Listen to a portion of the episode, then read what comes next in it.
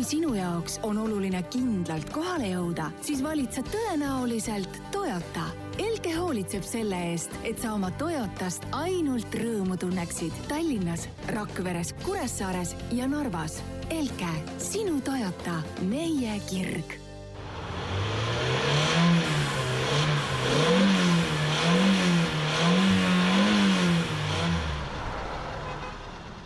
tere ja ilusat kolmapäeva hommikut, istmesoojendus on siin, autosaade siis Delfi ja Accelerista koostöös, meil on täna siin pisut laiendatud kuulajaskond, seega teeme väiksed tutvustused ka, mina olen Jan-Mattis Mandri, minuga on siis stuudios Veli Rajasaar. Ja räägime autoteemadel. Kui teile meeldivad autod sama palju kui meile, siis paneme siia kohe sellise shameless self-plug'i ka ette, et Äh, minge jätke meie Facebooki lehele like ja, ja loomulikult võite sinna kirjutada oma arvamusi, oma mõtteid, oma probleeme autodega seoses ja nagu paljud fännid juba teavad, siis meile meeldib väga ka vastu kirjutada ja nendel teemadel arutada, nii et äh, julgelt võtke meiega ühendust. aga lähmemegi siis pikema sissejuhatuseta siin äh, kohe teemade juurde ja nagu pealkiri viitas, siis rahunemispeatused on meil teemaks. Ühesõnaga, õiguskomisjon on siis algatanud eelnõu nüüd päris ametlikult ja, ja täitsa üksmeelselt, ühehäälselt. üksmeelselt, ühehäälselt. ja, ja mida see siis tähendab, on see, et äh, tõenäoliselt esimesest äh, detsembrist juba sel aastal me saamegi endale rahunemispeatused. Äh, see rahunemispeatuste kontseptsioon meil siin ühes saates käis ka PPA esindaja kohal, kes siis rääkis täpsemalt seda, et mida need rahunemispeatused tõenäoliselt tähendama hakkavad. Ja, ja ühesõnaga see kogu asi tähendaks siis seda, et maksimaalselt äh, kakskümmend kilomeetrit tunnis äh, kiiruse ületamine, äh, selle eest siis võiks tulevikus ka rahatrahvi asemel saada hoopis nelikümmend viis minutit pausikest. jah, see on, siin katsetati seda ja selles mõttes Eesti on selles osas esirinnas, et selline uus lahendus. et, et siin äh, muidugi tekib see loogiline küsimus minu jaoks juba alguses, kui seda katsetati, et noh, et äh, tihtipeale ju kiiruse ületamisel on äh, inimese enda jaoks mingi põhjus, on ju, ta on kusagile hiljaks jäämas, et kas see siis tõesti väldib edasist ohtlikku käitumist, kui äh,, kui ta sunnitakse peatuma ja rahunema no ma ei tea, ma julgen, ma julgen sulle tegelikult vastu vaielda, ma arvan, et paljud inimesed sõidavad kiiresti lihtsalt mitte sellepärast, et neil otseselt kuhugi kiire oleks, vaid lihtsalt sellepärast, et nad saavad. jah, kindlasti neid on, neid on ka selles mõttes, absoluutselt. aga jah, sellel täiesti selles mõttes tervitatav aktsioon, et rahatrahv ei ole võib-olla alati distsiplineerimiseks parim, sest et enamus inimesi võtavad seda tihtipeale kui mingit niisugust ebamugavust ja lihtsalt arve äramaksmist nii-öelda, eriti veel siis, kui see on näiteks a la mingi kiiruskaamera trahv, mis tuleb sul meili peale mm. -hmm. no see ongi, see ongi põhimõtteliselt arve, võtad, copy pasteerid sealt konto sinna ja paned, kannad selle summa ja kõik unustatud täiesti no eriti, kui see on mingi mõttetu summa ka, mingi viisteist, jah, viisteist eurot on ju. seal ei ole nagu seda distsiplineerivat äh, efekti väga. rahunemispeatus seevastu, see omab kindlasti selles mõttes siis äh, noh, nendele, kes selle valivad, tõenäoliselt efekti, kui nad ei saa tegeleda sellega, no a la võtta oma telefoni kaasa ja seal, ma ei tea, vaadata videot või kuulata mõnda podcasti, et, et kui nad peavad näiteks vaatama mingit äh, liiklusohutuse alast videot või midagi, et noh, siis see, siis see võib-olla nagu võib juba omada sellist, sellist efekti isegi, et minu arust huvitav küsimus siin on see, et äh, kui me vaatasime seda pilootprojekti, siis äh, oli ju näha, et olid välja valitud mingid konkreetsed kohad, kus mm -hmm. seda ainult teha saab, on ju, et see nõuab ikkagi mingisugust ettevalmistust, et äh, ilmselt see ei saa ka tulevikus olema see, et sa sõidad kuskil linna vahel, sõidad üle, on ju, oh, nii, nüüd sa ootad siin nelikümmend viis minutit, et see ei ole nagu võimalik, et ilmselt see saab ikkagi olema samasugune asi, mida konkreetselt mingisugusel hetkel ühes kohas jõustatakse siis, et see ei mhm. saa olema mingi selline üld, üldtrend jah, arvata on okei okay,, aga, aga nüüd räägime ka natukene autojuttu. ma räägin ühe vahelepõike ära veel eelmise Nii, nädala ära. jätkuks, et äh, kuna see oli ka selline kuum teema ja tausta mõttes siis, kes ei tea, siis eelmine nädal läksid äh, liikvele kaks äh, vastandlikku petitsiooni.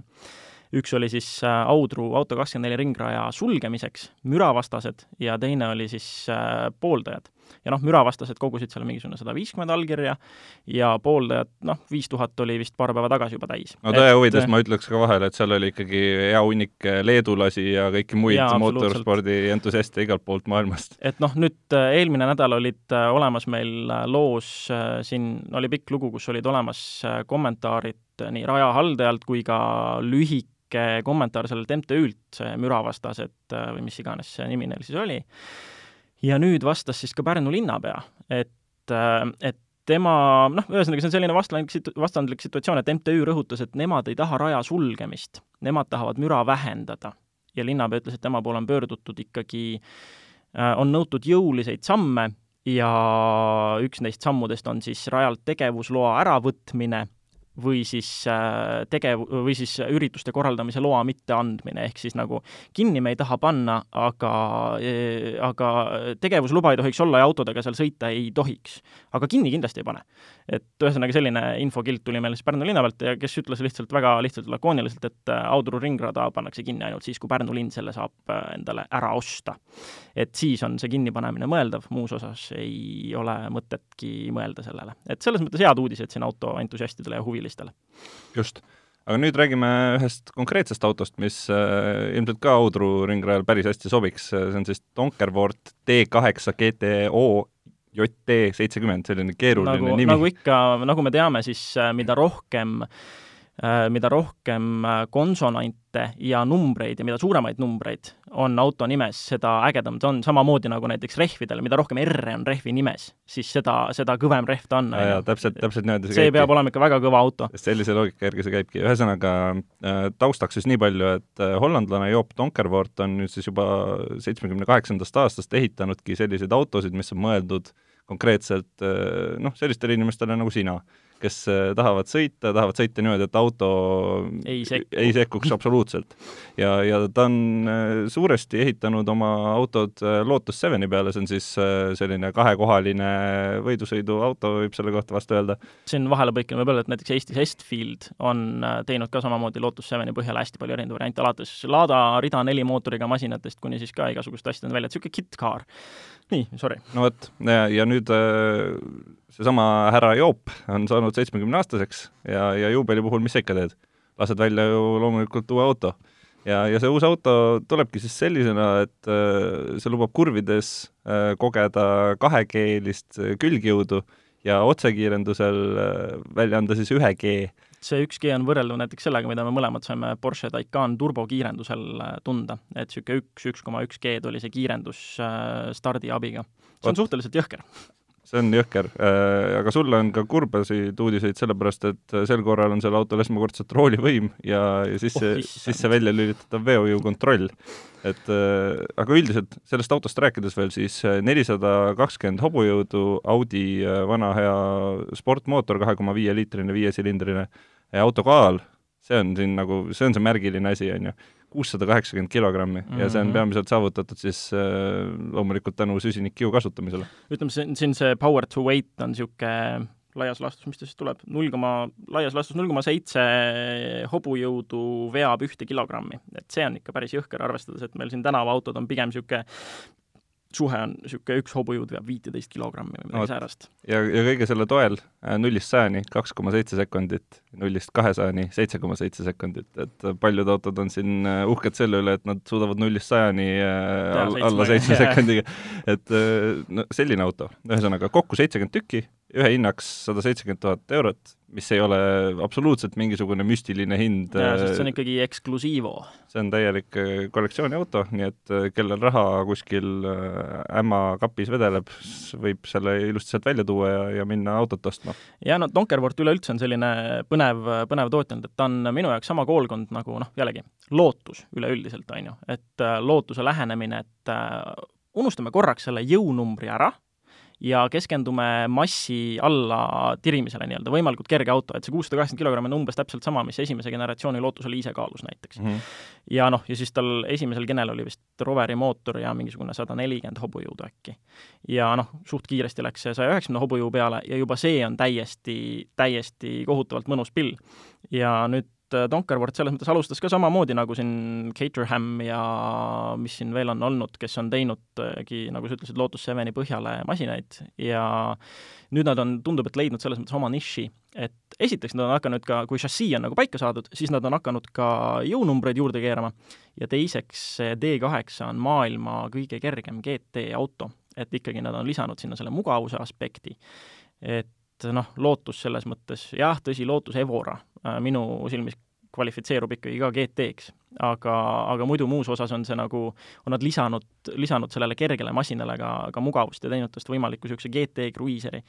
et selles mõttes väga, väga äge. teine asi, mis mulle silma jäi selle juures, oli see, et see 2G-d äh, kurvis äh, külgmisi jõuda või kuidas me siis eesti keeles seda nimetame mm., väidetud oli, et äh, tänavarehviga. noh, tänavarehv on selline lai termin, sest kõigil Aa, promopiltidel on näha semislikid. tõsi, noh, tõsi, ka minu, ka minu äh, autol on all, äh, on ju, tänavalegaalne semislik nüüd. aga noh, see on, see on ikkagi no, natukene minu jaoks niisugune demagoogia, sellepärast et äh, semislikkidega tihtipeale on see, et vihmas sa ikkagi temaga väga nagu sõita ei saa, on ju et tänavarehviks minu silmis ikkagi kvalifitseeruvad pigem siin erinevad Michelini mingid a la Pilot spordid ja kapid ja igasugused sellised Äh, natukene laiema kasutusalaga rehvid, et mm -hmm. semislick ja 2G, samas see on ikkagi väga kõva näitaja tegelikult. see on kõva näitaja ja tore, et selline auto nüüd meil olemas on mm. -hmm. Nüüd räägime ka veel ühest rahakate inimeste teemast, et kui siin juba noh, sada seitsekümmend tuhat, see on tegelikult köki-möki, see on köki-möki mm, -hmm. et äh, nüüd oleks vaja kokku kraapida kakskümmend miljonit ja kellel see raha siis kuskil vedeleb, vot siis äh, saame juba hakata rääkima Äh, USA-s Colorados on siis müügis selline hiigelgaraažiga häärber, äh, kus on äh, kusjuures eraldi garaaži näiteks sisse ehitatud ka korter selle inimese jaoks, kes siis autode eest hoolt kannab või kui ise oled juba päev otsa ikkagi autode kallal töötanud, siis on ju hea minna lihtsalt mm -hmm kuskile kõrvalruumi magama, on ju. see oleks päris huvitav töö tegelikult iseenesest, et sul on nagu, no see garaaž mahutab sada autot, on ju, laias laastus. et oleneb, et mis see hooldajatöö seal ette näeb, et kui see on ainult mukkimine ja nii-öelda lakkumine ja värvi ja asjade puhtana hoidmine, siis noh, siis mitte nii väga, aga kui ikkagi see on see õige hooldamine, ehk siis ka see, et noh, auto ei tohi seista ju. teda tuleb aeg-ajalt ikka tuleb ja, ja sa tahaks, sa tahaks ainult sissesõitu teha torud tühjaks lasta ja et siis selles mõttes võib nagu noh, teisalt jällegi see ka, et noh, siis tuleb päris hea graafik endale teha, et kuidas sa nende saja auto sellist äh,, kuidas sa nad ära jaotad endale nädala peale, et iga auto saaks nädalas niimoodi korra torud tühjaks sõidetud ja et kõik ikka korras oleks ja mehaaniliselt töötaks, on ju. nojah, kellel siin teravam silm on, see saab äh, piltide pealt vaadata ka, mis autod seal praegu seal kollektsioonis on, neid kahjuks sealt äh, kaasa ei tule, aga näiteks Bugatti Veyron on seal äh, mitmel pildil väga ja. olulisel kohal, samamoodi näiteks mõnda Koenigseggi on seal näha et mm, -hmm. et ka praegu see praegune omanik ei ole kindlasti olnud kitsi oma autode valikuga. Äh, maja ise ei ole ka ju halb, äh, millest me räägime, seitse magamistuba, kuusteist vannituba või WC-d ja kokku kaks tuhat ruutmeetrit pinda mm -hmm. majas. oli vist isegi kaks tuhat viissada, midagi sellist, see on yeah. ikka, see on ikkagi juba hoomamatu minu jaoks. et selle, selle maja juures ongi see, et kui me selle hinna kõrvale jätame, siis selle juures on üks suur viga minu jaoks. see on see, et seal muidu, muidu minu kriteerium nagu maja juures, eks, eks unistus on ikkagi see, et nagu oma maja, oma garaaž, on ju, aga kriteerium on alati olnud, et vähe maja, palju garaaži. selle majaga nüüd see, et siin on natuke liiga palju seda nii-öelda ela, elamupinda ja elumaja, et mis sa tühja no,, mis sa, sa tühja kütad. sa saad kolmkümmend hektarit maad ka veel juurde, nii et no sinna saaks mingi privaatse võidusõiduraja ehitada sinna näiteks, saab paar, paar garaaži veel püsti panna kindlasti. jah, aga muus osas tõesti, no Ehm, ei ole midagi halba öelda, soovitan, soovitan äh, guugeldada vaatajatel siin see kahekümne miljoni dollarine saja auto garaaž ja vaadata neid pilte, see on ikkagi, see, see on, keegi on, keegi on läinud hulluks ja teinud päris, päris põneva asja, ühesõnaga. aga nüüd äh, selle nädala proovisõiduauto toob meid koheselt taevast alla rahulikult äh, kahe jalaga maa peale ja selleks autoks on siis uus Škoda Octavia Äh, ma arvan, ma alustan äh, enda poolega, sellepärast et mul on, mul on äh, peres olnud nii eelmise põlvkonna Octavia kui ka eelmise põlvkonna Superb, seega mm. mul on nagu väga hea vaade sellele, et mis, mis seal muutunud on. noh, kredibiilsus igatahes on lõpmatult suurem kui minu, minu oma juba Škodade osas. no ütleme niimoodi, et võib-olla see probleem selle konkreetse proovisõiduauto puhul on see, et see, millega meie sõidame, ehk siis see, mis antakse ajakirjanike proovisõiduautoks mm -hmm. versus see, mille tõenäoliselt ostab tavaline Škoda Octavia ostja, need on kaks erinevat yeah, maailma. et äh, mingis mõttes mul on ka keeruline seda võrrelda, sellepärast et see Octavia, mis meil peres on ostetud, see ei ole mingisugune kõige-kõige-kõigem mm -hmm. Octavia, vaid see on ikka suht selline keskmine Octavia. ühesõnaga Äh, mis, mis siin, äh, mis siin selles edevas Octavias siis oli, äh, mis, mis tähelepanuväärsed olid? palju pisividinaid, ventileeritud istmed -hmm. heads-up display ehk siis see, kus sul ekraani peale on ju kuvat- või sinna tuuleklaasi peale kuvatakse see info, juhi abid ole, olid saanud kõva uuenduse samas on ka nagu palju asju, mis on näha, mis on just Superbilt kolinud Octaviasse nüüd ühe põlvkonnaga, mingisugused need ist-, istmetaskud, mis on mm. mõeldud telefonide jaoks ja, ja veel mingit nipet-näpet Äh, kuid on ka väga palju imelikke muudatusi ja selles suhtes me ka arutasime, kui me siin äh, vahetust tegime, et ja üks asi, mis kohe mõlemale silma jäi, on ju. et mis, mis värk nende USB-C portidega on? muidu on siis... nagu väga tänuväärne, et praegu äh, nii-öelda telefonide industry kolib USB-C laadimisele, aga nüüd vaataja-kuulaja mõtleb korraga kaasa, et kas teil leidub kodus juhet, mis on mõlemast otsast USB-C USB-C on siis see tüüpiline uuemate Android telefonide see USB kaabel, mis on mõlemalt poolt siis samasugune. jaa, et vahet ei ole, kumba pidi sisse topid, ei saa enam eksida kolm korda nagu tavalise USB või eelmise USB kahe USB kolmega. no vot, aga nad ikka suudavad välja mõelda midagi, mis ikka selle ära rikub mm, on -hmm. ju, nüüd meil on vaja USB-C-d, millel on mõlemad pooled USB-C, sellist juhet ei olnud meil kummalgi, mõlemad olime nagu suhteliselt äh, nõutud, et mis me sellega tegema hakkame mm, -hmm. ei saanudki lõpuks midagi teha ülinaljakas asi, ma ei tea, kas, äh, kas sa puutusid kokku, ma näiteks ei leidnud kohta, kus ma saaks puhurjavasid kinni keerata seda lihtsalt ei eksisteerinud? seda ma kuna oli palav päev, siis ma lihtsalt leppisin sellega, et nad peavadki lahti olema okay, ja kõik kont, nagu kont huugas, jah yeah.? okei okay,, ma, ma täpselt sel samal põhjusel mõtlesin, et ma keeraks natukene kinni ja mm -hmm. ei leidnud seda varianti aga tõenäoliselt siis ongi see, et jälle see nagu Golf kaheksalgi, see digidisplay seal keskel, lihtsalt sealt tuleb kõik nulli tõmmata. ja nii on, ja, ja kõik need asjad käivad seal läbi selle digidisplay ja see on mm -hmm. tegelikult nagu hirmuäratav minu arust äh, just Volkswagen Grupi puhul, et äh, nad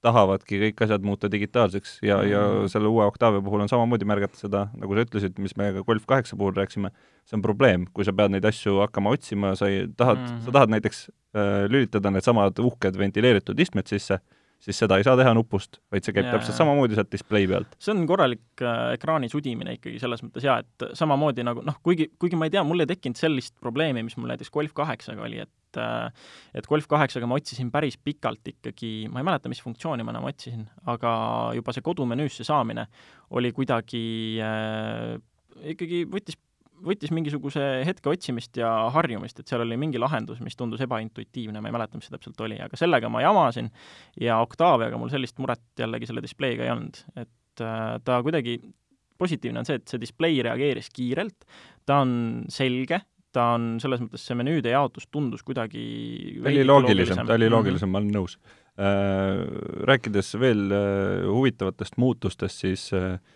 on kindlasti inimesi, kellele see ei meeldi, äh, see käigukangi nupp oh, on muutunud selleks pisikeseks nubluks, mis on see mingisugune reaalselt viis sentimeetrit pikk. no siin on igasuguseid lahendusi nähtud, on ju, noh, on äh, masinad, milles on, millel on see Ameerika stiilis äh, kolmas suunatulekang nii-öelda, mis tegelikult on siis käigukang seal kusagil roolisamba peal, mm. on ju, on noh, siin ühel ja mis oli äh,, Citroenil on äh, need äh, keeratavad valitsed, on ju, käigu vahetamiseks. Ja siis nüüd on selline huvitav, huvitav nublu tõesti, mis ei meenuta vist ühegi otsa pealt kangi, et et äh, ma ei tea, mind see otseselt ei häirinud, selles mõttes, et kui, kui masin on juba automaatkastiga, siis no, no vähemalt ei ole manuaalidel loodetavasti seesama nublu, muidu oleks yeah. nagu suht keeruline.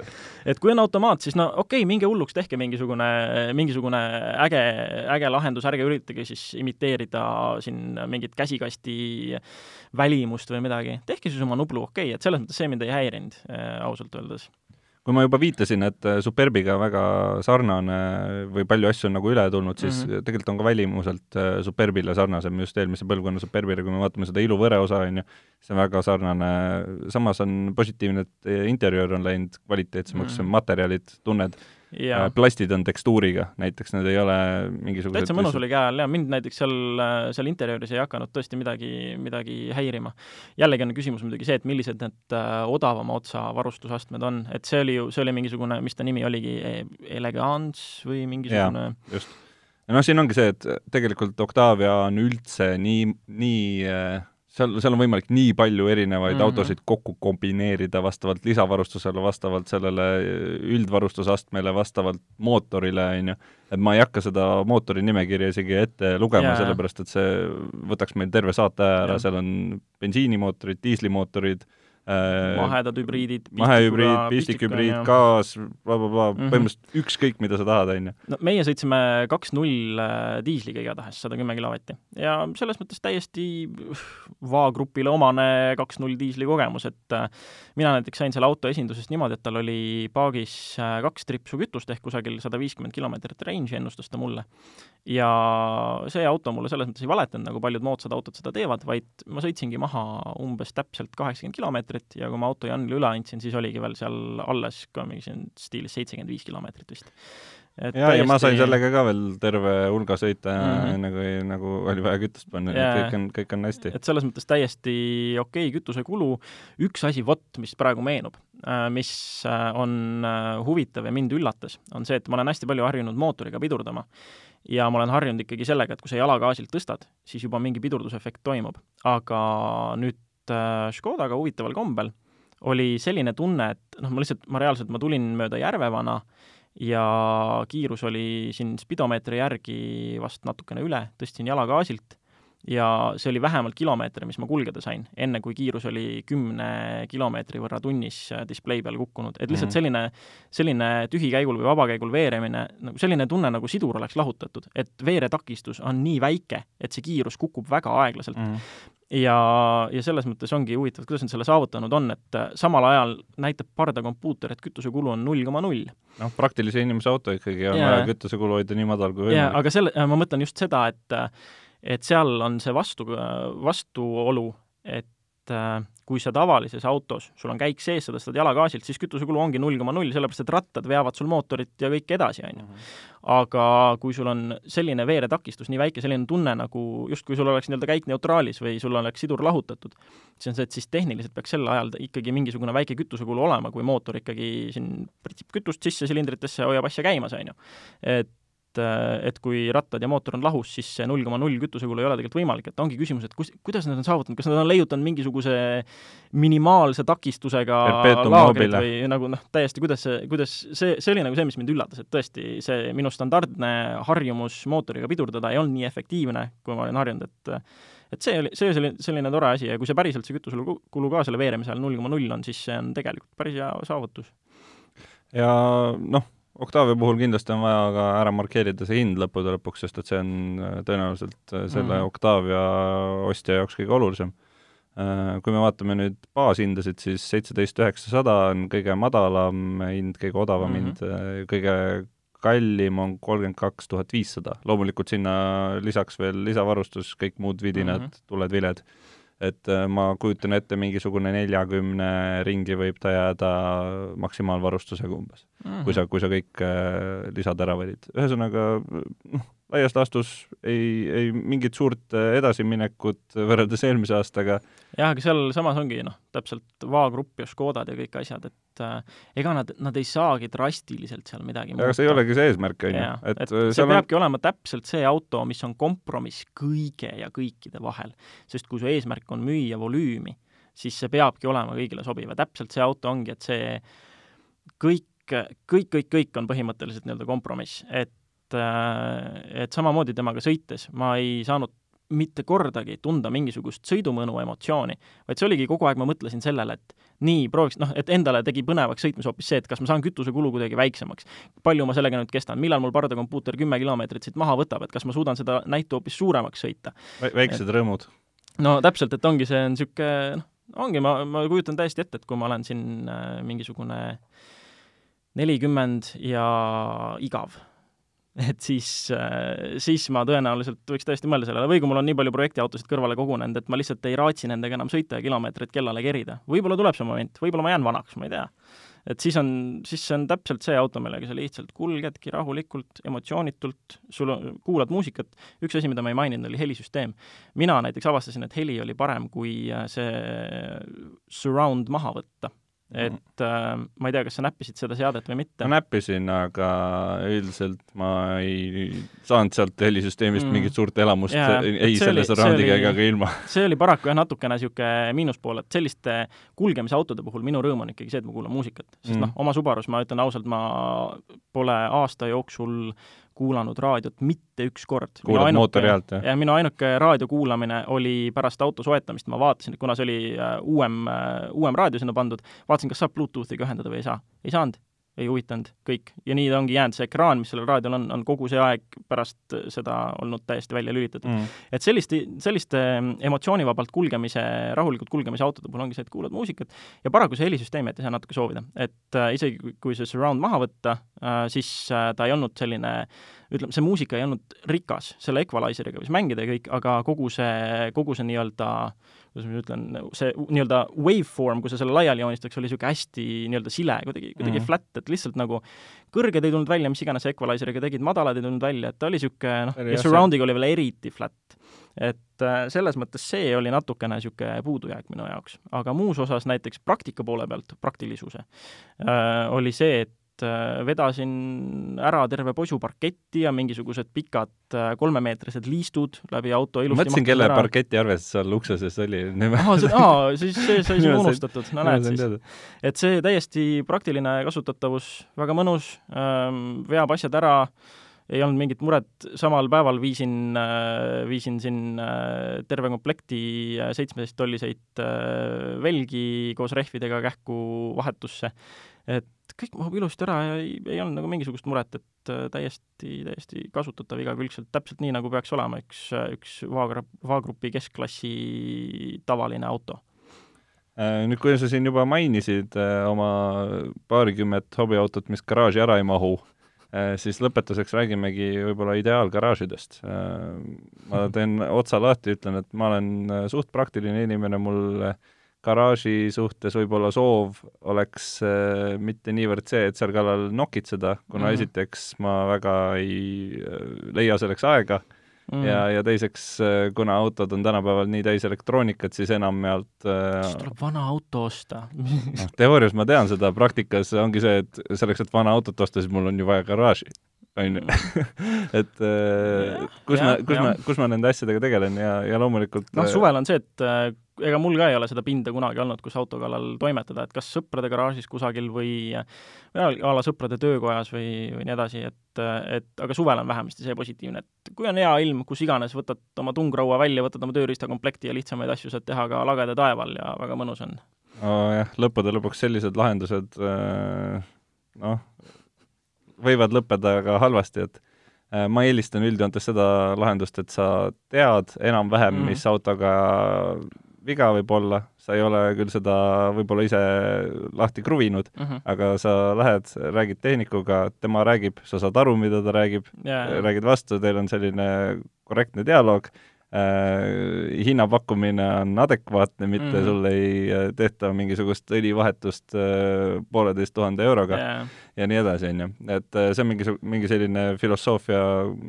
kuhu ma auto remondi osas just olen jõudnud. väga hea filosoofia, ärge tehke tuhande viiesaja euroseid õlivahetusi. just, äh, ja kui mul oleks garaaž, siis see garaaž oleks selline, et seal saaks pigem tegeleda auto korrashoidmisega mm, -hmm. visuaalselt yeah. Äh, auto puhastamisega, see on nagu see, mis minu jaoks on selline asi, mida yeah., mida ma ei taha väga jätta kellegi teise teha ja mida ma teen hea meelega. vot, ja mul on just see, et mina hakkan vist oma siin hobihullusega jõudma selleni, et ma vaikselt uurin ka ja salvestan endale linke, mis on mingisugused isetegemise asjad, et a la mingid puhastussavid ja mingid asjad, millega saaks ka auto korralikult puhtaks mm -hmm. ja ise teha ja mingisugused äh, sellised keraamikad, mida sa ise peale kannad näiteks pärast iga pesu. et ma vaikselt olen sinna jõudmas, aga senimaani olen ma teinud ikkagi peamiselt selliseid mehaanilisi asju, kus sul on vaja tööriistakohvrit ja, ja kus sul on vaja autot üles tõsta. ja sellisel puhul minu unistus unistuste garaaž ikkagi, nagu siin juba sai vihjatud ühe, ühe lausega, äh, unistuste kodu üleüldse oleks äh, vähe maja, palju garaaži. et praegu on ka kuidagi nii juhtunud, et äh, mul on, me oleme küll naisega paadunud subaristid ja meil on mõlemal aasta, ainult aastase vahega VRX STI-d, aga kuidagi on nii juhtunud, et viimase poole aasta jooksul on meil peres kahest Subarust saanud kaks Subarut ja kolm Toyotat. Mm. Et äh, nüüd ongi, on ju, noh, see MR2 hobikas mul, on ju, siis äh, naine ostis vahepeal tagasi oma oma esimese päris nii-öelda auto, ühe Celica. ma mõtlesingi, mis see kolmas oli? jaa, ja nüüd on siis see Corolla, mis sai sõidukatset, Maanteeameti projektide sõidukatsete jaoks mm -hmm. ostetud, on ju. mis on täiesti pädev igapäevaliikur ja niisugune ka öko ja oma iseloomuga, nagu ma siin varasemates saadetes rääkinud olen ja täiesti noh, ma ei kahtle üldse, et äh, ajaga tuleb tegelikult neid niisuguseid väikseid projektikaid äh, siit-sealt veel juurde, vaadates, kui poole aastaga on juhtunud, et kolm autot on kusagilt juurde siginenud lihtsalt, siis ma ei, ma ei kahtle selles üldse. ja see, selles mõttes see garaaž peaks ikkagi olema selline, kus äh, kindlasti peaks olema tõstuk, paremal juhul isegi kaks tõstukit ja sinna võiks ära mahtuda siis äh, a la niimoodi, et sa hoiustadki ühte autot ja kahte saad siis tõstuki peal tõsta näiteks vajadusel. et äh, ja noh, see üks auto, mida sa hoiustad, et siis samamoodi, et a la saad seda seal puhastada, kui tahad ja noh, mis iganes, et äh, et selles mõttes teine asi on ka see, et seal garaažis samamoodi võiks olla mingi teine niisugune kas või poolkorrus, kus on mingisugune väike magamistuba. No, kuule, ühesõnaga, sul on tegelikult äh,, ma tean täpselt, mida sul vaja on, mul on üks hea pakkumine, mul on siin äh... jaa, ei vaata, see ongi see, et sa võtad see, see unistuste maja, sa võtad, on ju, paberi ette, sa joonistad sinna peale, nii, see on maja, noh, siia tuleb, on ju, köök, siia tuleb magamistuba. Veli, Veli, sa mõtled üle, see, ma, see maja on olemas, see maja on olemas. kakskümmend miljonit see on olemas, selle ülejäänu sa võid pärast tagasi müüa või edasi müüa või mida iganes, selle garaaži osa jätad, seal on ju magamiskoht on olemas, kõik on super-tuper. ainuke asi on, et mul ei aga ole seal enam... ei olnud tõstukeid? Äh, noh, see on väike pro-, see on väike probleem. kui sa kakskümmend miljonit oled juba välja käinud, siis leiad selle rahaga. ainuke probleem on see, et siis sa koliksid ilmselt Coloradosse ja mul ei oleks enam kellegagi saadet teha. et see on nagu minu vaatest on see nagu murekoht, muidu noh. muidu nagu head teed minna, jah? muidu on hea, muidu on hea pakkumine, aga, aga lihtsalt ja, see saateasi, see jääb muidu õhku kuhugi. jaa, jaa, tõsi, no ei saa ma niimoodi minna, ma muidu oleks läinud tõesti, see oleks mulle peaaegu praegu sinna augu pähe rääkinud, aga, aga no ma arvan, see saateasi on see, mis mind siin Eestis hoiab. väga hea. ja, ja saateasi kindlasti ka järgmisel kolmapäeval, seega äh, olge kursis meiega, meie tegemistega Äh, vaadake Fortesse, vaadake Acceleristasse, vaadake meie Facebooki lehele ja kuuleme juba järgmisel nädalal. Tšau! aitäh!